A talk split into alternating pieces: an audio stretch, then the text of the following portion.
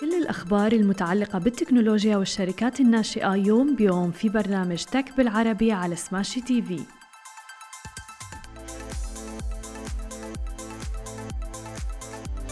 يا صباح الخير ويا أهلا وسهلا فيكم ببرنامجكم تك بالعربي. معكم أنا هالة بسام ومعنا بخلف الكواليس علي. خلونا نبدأ بأهم العناوين اللي رح نحكي فيها بنشرتنا اليوم وأهم الأخبار التكنولوجية. اي اند اتصالات الإمارات تستثمر في الجيل الخامس وفيوز تحصل على تمويل جديد ومنصة اتش ار كوم أيضا تجمع تمويل جديد. وبداية نبدأ أخبارنا بمنصة اتصالات في دولة الإمارات تحديدا واستثماراتها الجديده وآخر المستجدات في أيضا معرض جايتكس. أكد الرئيس التنفيذي لقسم التكنولوجيا وتقنية المعلومات لدى اتصالات من إي آند خالد مرشد إنه مشاركة الشركة في معرض جايتكس تهدف إلى تسليط الضوء على الخدمات المقدمة واللي بتهدف إلى تعزيز التجربة الرقمية للعملاء بأحدث الحلول التكنولوجية في مجالات مختلفة. أبرزها طبعا الميتافيرس ومزيج الواقع وعرضهم المتطور في الميتافيرس اللي بتقدمه اتصالات من إي اند بالتعاون مع هواوي وهو تجسيد لمركز أعمال الشركة على الميتافيرس وبيتيح للزوار لمحة شاملة عن تجربة التسوق في عالم ثلاثي الأبعاد بأسلوب مبتكر. وقال أيضا أنه استثمارات اتصالات في تركيب ونشر تقنيات الجيل الخامس في دولة الإمارات العام الماضي بلغت ما يتجاوز 600 مليون درهم حيث استطاعت اتصالات من إي أند أن تكون واحدة من أسرع شبكات الهاتف المتحرك في العالم. وأسهمت بفاعلية طول السنوات الماضية في أن تحتل الإمارات المركز الأول عالميا من حيث نسبة نفاذ الشبكة للألياف الضوئية للمنازل. شبكة الجيل الخامس هي شريان رئيس للتقنيات والحلول العصرية اللي تحديدا بيشهدها العالم في المعارض والأحداث العالمية الكبرى.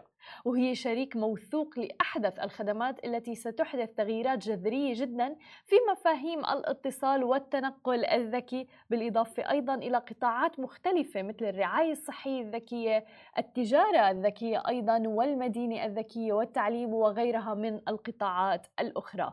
طبعا نحن ب Smashi TV غطينا تحديدا الحدث الضخم جايتكس جلوبال 2022 والأمور اللي تم توقيعها والاتفاقيات الخدمات اللي تم استنتاجها تحديدا آه، بعد مؤتمر وفعالية جايتكس. ومثل ما عم نشوف أيضا تحديدا كان قسم اتصالات من إي أند فعلا داخل في عالم الميتافيرس. وعم نشوف العديد من الشركات عم تتجه سواء كان حكومية أو خاصة أو حتى شركات ناشئة عم تتجه نحو المستقبل في العملات الرقمية ال NFT والميتافيرس أيضا. طبعا في كتير ناس بتتساءل إنه الميتافيرس كيف ممكن إنه يغير من حياتنا؟ هل هو فقط عالم افتراضي؟ لأنه في العديد من التساؤلات حول هذا الموضوع. ولكن تخيلوا معي ونحن عملنا مقابلات عديدة في هذا المجال إنه مثلا بدل ما أنتم تذهبوا للتطبيق على الهاتف المتحرك المحرك الخاص فيكم انكم تروحوا للميتافيرس وتلمسوا وتحسوا بالمنتجات اللي أنتم حابين تشتروها وتوصل لعندكم على البيت على أرض الواقع بعد ما تطلبوها في الميتافيرس. وبعدين في المستقبل طبعا في ناس كثير عم تسأل طب ماذا عن الويب 2 وهذه التطبيقات وال e-commerce اللي أصلا موجود آه الآن على جوالاتنا وعبر الإنترنت؟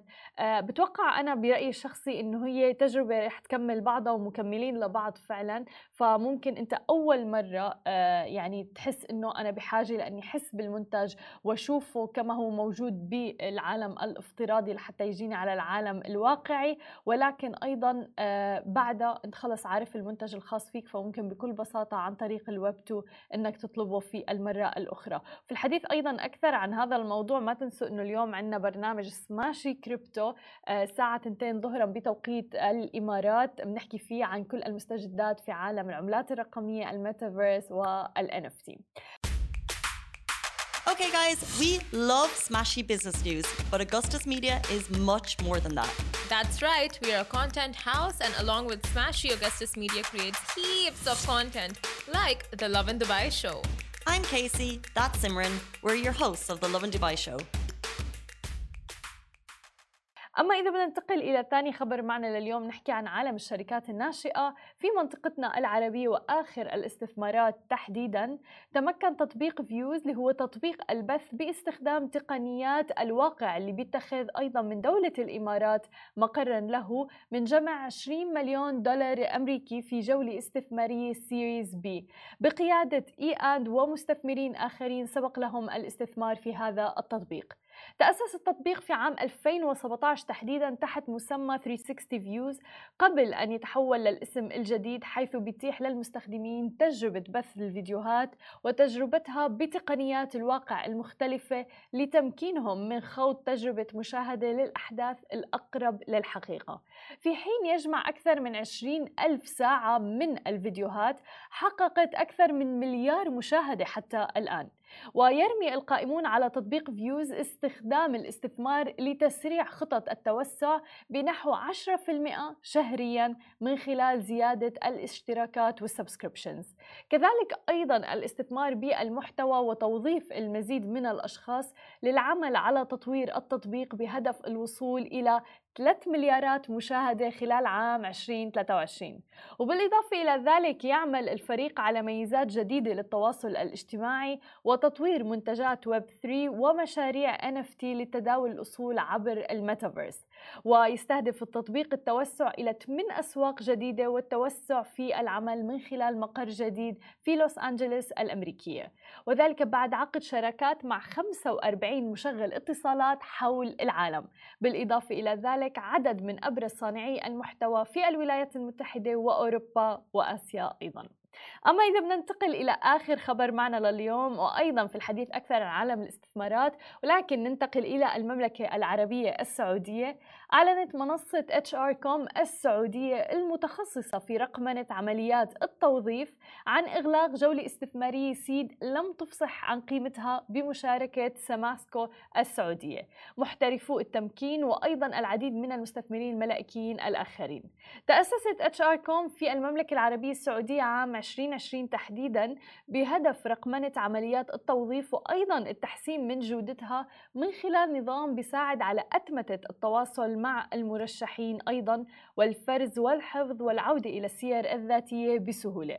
وبتساعد المنصة أيضا في بناء قاعدة بيانات للمرشحين إجراء أيضا المقابلات وإرسال عروض العمل. أيضا عم نشوف أنه حتى القطاعات اللي ما كانت فيها ال digital والرقمنة في السابق الآن عم تتجه إلى التحول الرقمي بشكل كبير لأنه بتوفر العديد من يعني الساعات العمل بتوفر على الموظفين حتى وبتساعد على ال automation وأتمتة هذه الإجراءات. هذه كانت كل أخبارنا الصباحية لليوم. ما تنسوا تتابعونا على كل مواقع التواصل الاجتماعي الخاصة بسماشي تي في تسمعوا البودكاست تبعنا وتنزلوا ال application. نهاركم سعيد جميعاً. مثل ما وعدناكم أخبار جديدة ومقابلات مع رواد أعمال يوميا في برنامج تك بالعربي على سماشي تي في. حملوا التطبيق الآن.